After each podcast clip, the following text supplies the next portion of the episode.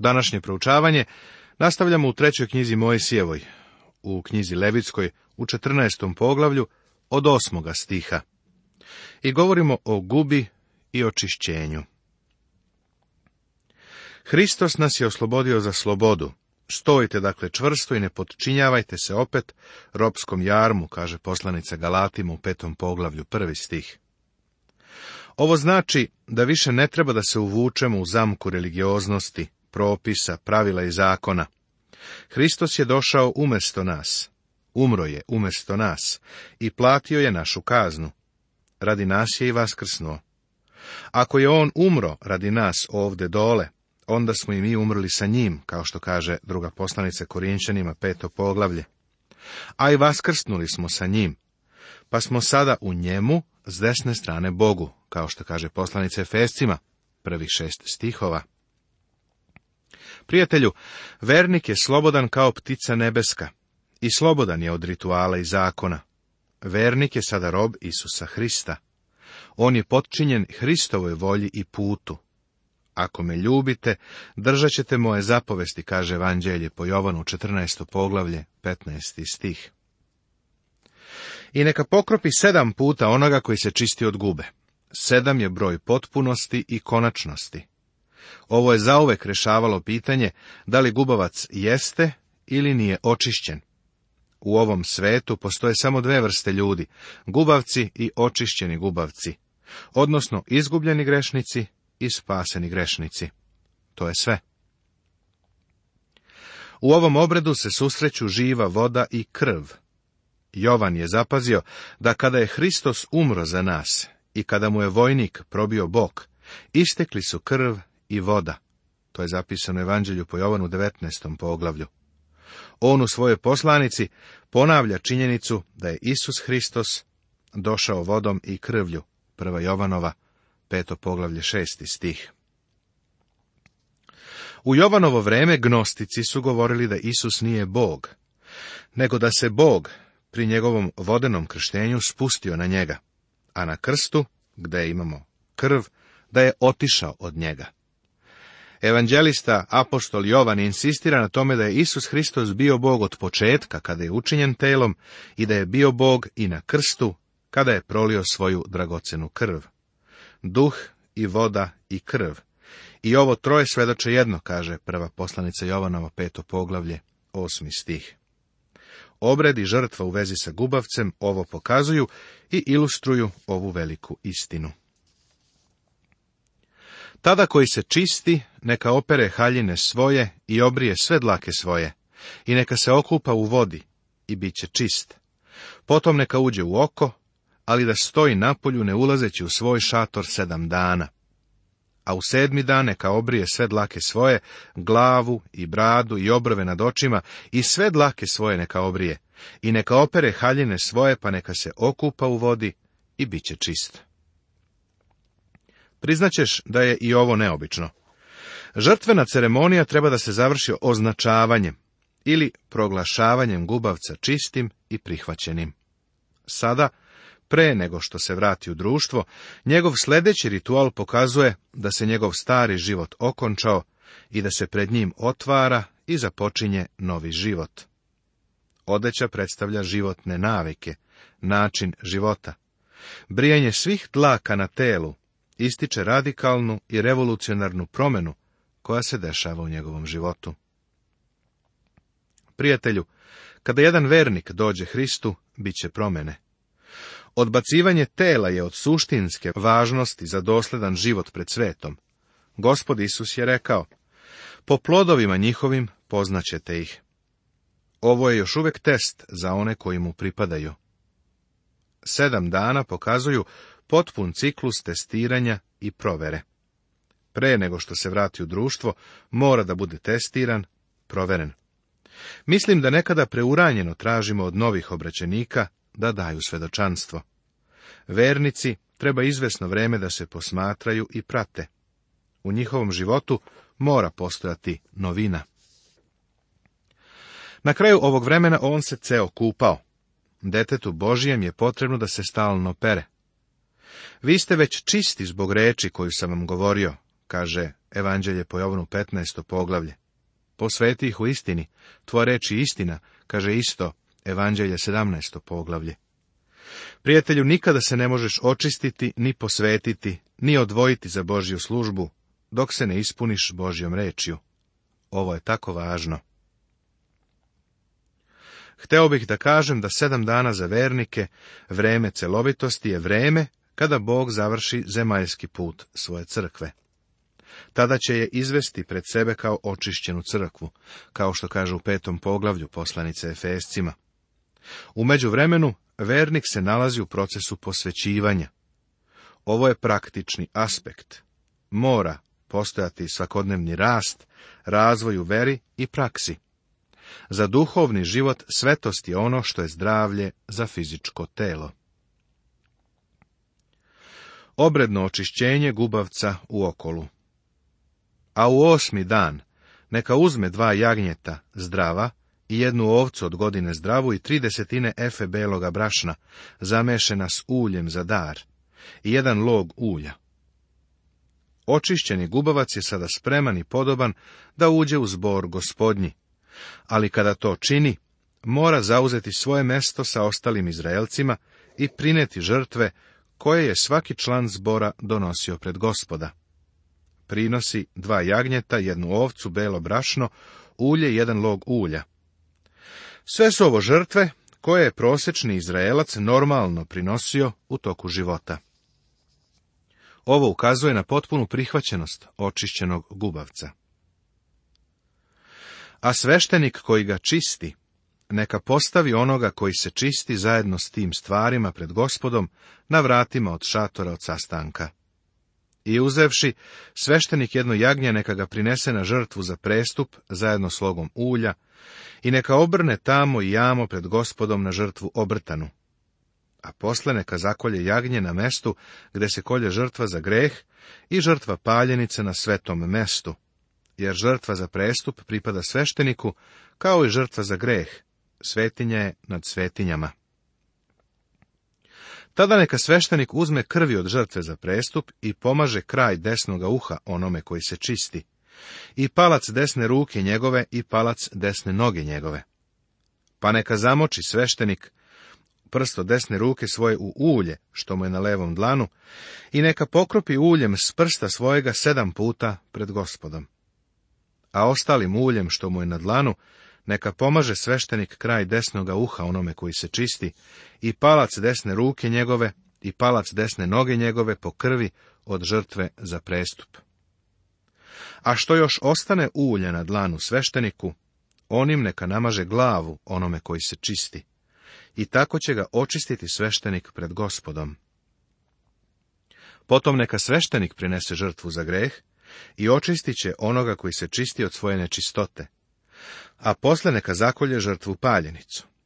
I neka prinese sveštenik žrtvu paljenicu zajedno sa darom na oltaru, i tako će ga očistiti i bit će čist. Ovaj poduži odeljak u opunomoćenoj verziji je u jednoj jedinoj rečenici. Ovdje je prikazana jedna stalna ceremonija koja uključuje sve žrtve i sredstva zbog kojih sada jedan očišćeni gubavac stoji pred vratima šatora od sastanka, kao svaki drugi Izraelac.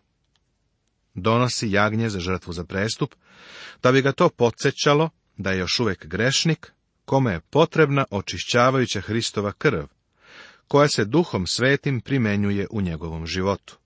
Zatim, tu je jagnje kao žrtva za greh, jer očišćeni gubavac i dalje ima grešnu prirodu ovca se prinosi za žrtvu paljenicu, da bi se pokazala Hristova osoba onako kako je Bog vidi.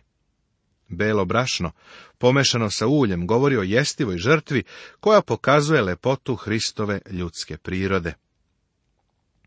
Krv na desnom uhu pokazuje da čovek sada može da čuje glas Sina Božjega koji mu govori Vera tvoja pomogla ti je, iscelila te je.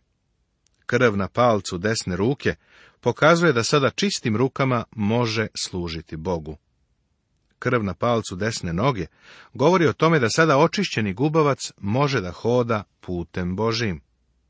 Ulje izliveno na njegovu glavu je znak da je on potpuno posvećen Bogu. Sve ove žrtve govore o Hristu, kroz koga očišćeni gubavac biva prihvatljiv Bogu. Nema ništa posebno značajno u tome što je on očišćeni gubavac.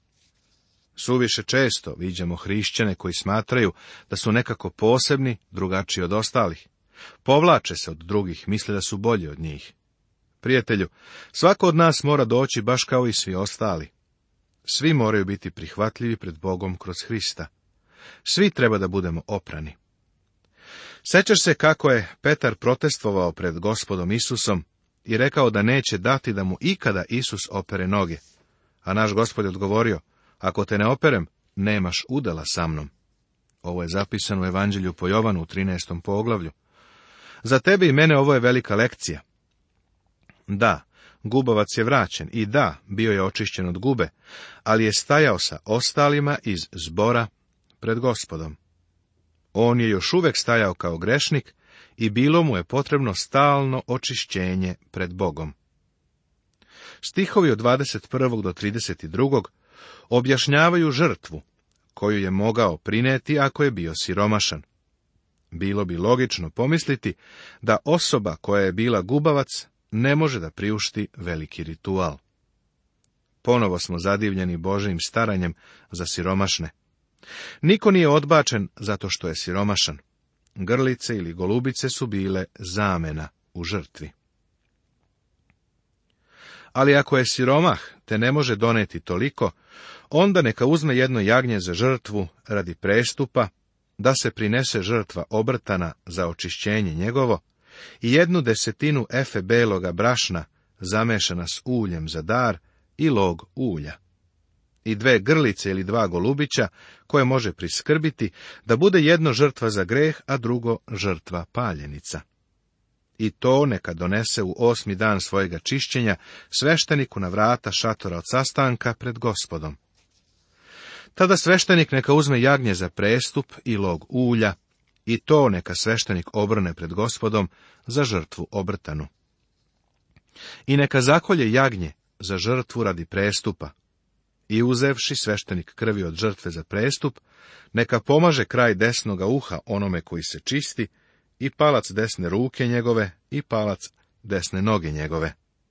I ulje neka nalije sveštenik na dlan svoj levi, pa neka zamoči prst od desne ruke svoje u ulje što mu je na levom dlanu, i pokropi uljem s prsta svojega sedam puta pred gospodom i uljem što mu je na dlanu, neka pomaže sveštenik kraj desnoga uha onome koji se čisti, i palac desne ruke njegove i palac desne noge njegove, po mestu gde je krv od žrtve za prestup. A što ostane od ulja na dlanu svešteniku, onim neka namaže glavu onome koji se čisti, i tako će ga očistiti pred gospodom. Tako neka učini s jednom grlicom ili golupčetom od onih koje priskrbi što je priskrbio, jedno će biti žrtva za greh, a drugo žrtva paljenica s darom. I tako će sveštenik očistiti pred gospodom onoga koji se čisti. To je zakon za gubavca koji ne može priskrbiti svega što treba za očišćenje. Obredno očišćenje kuće u kojoj je bila guba. I reče gospod Mojsiju i Aronu govoreći, kad dođete u zemlju Hanansku, koju ću vam ja dati da je vaša, pa kad pustim gubu na koju kuću u zemlji koju ćete držati, onda onaj čija je kuća neka dođe i javi svešteniku govoreći, čini mi se kao da je guba na kući. A sveštenik neka zapovedi da se isprazni kuća, pre nego on dođe da vidi gubu, da se ne bi oskrvnilo što je u kući. Potom neka dođe sveštenik da vidi kuću. Moram priznati da je kuća baš neobično mesto za pronalaženje gube. Teško je znati šta to tačno podrazumeva. Verovatno se radilo o nekim pečurkama ili kakvom truležu koji se uvukao u građevinski materijal. Sveštenik je trebao da ispita kuću po crvenkastim i zelenkastim udubljenjima. Posle sedam dana je trebalo da dođe i da proveri da li se guba širi. Ovo nam oslikava sledeće. Ovde na zemlji živimo u staroj kući, a to je naše telo. Živimo i u ovom svetu koji je također zagađen grehom. Stara kuća u kojoj živimo je puna gube. U obrednom očišćenju kuće postoje tri stupnja. Prvo, kuća je bila ispražnjena od nameštaja i od stanovnika. Sveštenik je dolazio u proveru i zatim kuću zatvarao za sedam dana pre sljedeće inspekcije. Ako bi tada našao tragove gube, strugali bi zidove i uklanjali kamenje na kome je bila bolest. Ako se povrati bolest i opet izraste po kući, pošto se povadi kamenje i ostruže kuće i ponovo olepi, tada došav sveštenik ako vidi da se bolest razišla po kući, ljuta je guba na kući, nečista je. Neka se razruši ona kuća kamenje i drva i sav lep od one kuće, i neka se iznese iza grada na mesto nečisto. A ko bi ušao u kuću onu dok je zatvorena, da je nečist do večera. I ko bi spavao u onoj kući, neka opere haljine svoje. Tako i ko bi jeo u onoj kući, neka opere haljine svoje. Ako bi sveštenik pronašao ostatke bolesti u obnovljenoj kući, tada bi se ona skroz uništavala i rušila. Znaš, nastaće vreme kada će Bog uništiti ovu zemlju, koja je zaražena gubom. Očistit će je. Nastaće novo nebo i nova zemlja, bez greha.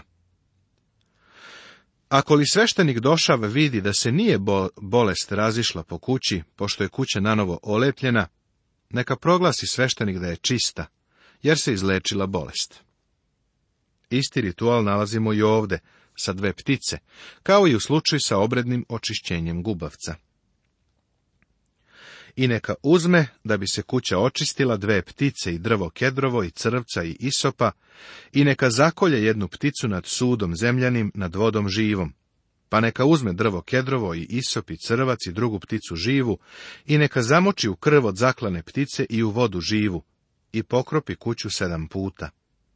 I tako će očistiti kuću onu krvlju ptičijom i vodom živom, i pticom živom i drvetom kedrovim i isopom i crvcem. Pa onda neka pusti pticu živu iza grada u polje i očistit će kuću i bit će čista. Obredni zakon za očišćenje od gube i pitanja tela. Ovo je zakon za svaku gubu i za ospu, za gubu na haljini i na kući, i za otok i za krastu i za bubuljicu, da se zna kad je ko nečist i kad je ko čist. To je zakon za gubu. Ovo deluje kao snažno naglašavanje sprovođenja zakona o očišćenju od gube. Primeti da je prvenstveni cilj ovog rituala bio da pouči, da se zna kad je ko nečist i kad je ko čist. Ovo je velika duhovna lekcija koja treba da nas pouči. Ti i ja imamo duhovnu gubu. Da nekako možemo otići u nebo bez Isusa Hrista, bez pouzdanja u njega, ovako bismo vikali nečist, nečist, pa bismo onda bili oterani. U Hristu prihvaćeni smo u ljubljenom. Prijatelju, gde si ti sada? Da li si gubavac koji je došao Isusu Hristu za očišćenje ili si još uvek nečist? Poglavlje 15. Tema Telesna nečistoća predstavlja odvratnu zagađenost tajnim grehom. Već smo imali dva poglavlja koja su se bavila pitanjem gube što je samo po sebi loše pitanje, ali sada u ovom poglavlju ulazimo u nešto još gore. Tako mnogo u našem vremenu slušamo o zagađenosti ekologije, ali postoji i zagađenost duša, kao i uma, celoga bića. Ti stalni jadi su visoko zarazni i infektivni i pokazuju nam strahovitu prirodu greha. Ljudska priroda je preplavljena septičkim jamama i kanalizacijama nečistote. Ljudska priroda je ne samo uprljana, nego i prlja, nije samo pokvarena, nego i kvari. Ovo poglavlje, 15. nudi nam ogledalo za ljudsku prirodu. I posle samo jednog pogleda, ni jedno telo ne može da se proslavi u Božim očima. Čovek bi pomislio da je guba bila najgora bolest, ali ona nije bila toliko zarazna i nije tako zagađivala kao telesna nečistota. Želio bih da citiram doktora Lejkera, koji je autoritet za pitanja gube. Gubu izazivaju malene klice, koje se nazivaju bacili gube, pa se mogu uočiti samo mikroskopom. Bacile je otkrio norveški lekar Hansen 1873. godine. Zato se guba ponekad naziva Hansenovom bolešću. Bacili su u velikom broju prisutni u koži određenih tipova leproznih bolesnika. Oni sa ovih pacijenata prelaze ili prenose se na kožu zdravih ljudi, uglavnom telesnim kontaktom. Zatim prodiru kroz kožu putem povreda i ogrebotina i tu žive i razmnožavaju se. Jedino zarazni pacijenti, oni u koju koži imaju mnogo bacila, mogu da prenesu bolest. Mnogi pacijenti na svojoj koži nemaju bacile, tako da ne mogu da prenose ovu bolest. Često kupanje, pranje, odeće, održavanje higijene kuće pomoći će u prevenciji bolesti, jer mnogi bacili mogu da se speru vodom i sapunom pre nego što uđu u kožu. Najvažnije je izbjegavati telesni kontakt sa zaraznim slučajevima gube. Mikrobi se ne prenose vazduhom ni insektima. Ne postoji dokaz da se guba širi na drugi način, ali može se desiti da se povremeno prenosi nekim drugim sredstvima, a ne telesnim kontaktom. Ne postoji razlog za strahom od gube, ukoliko se pridržavamo ovih jednostavnih mera zaštite. Nastavit će se.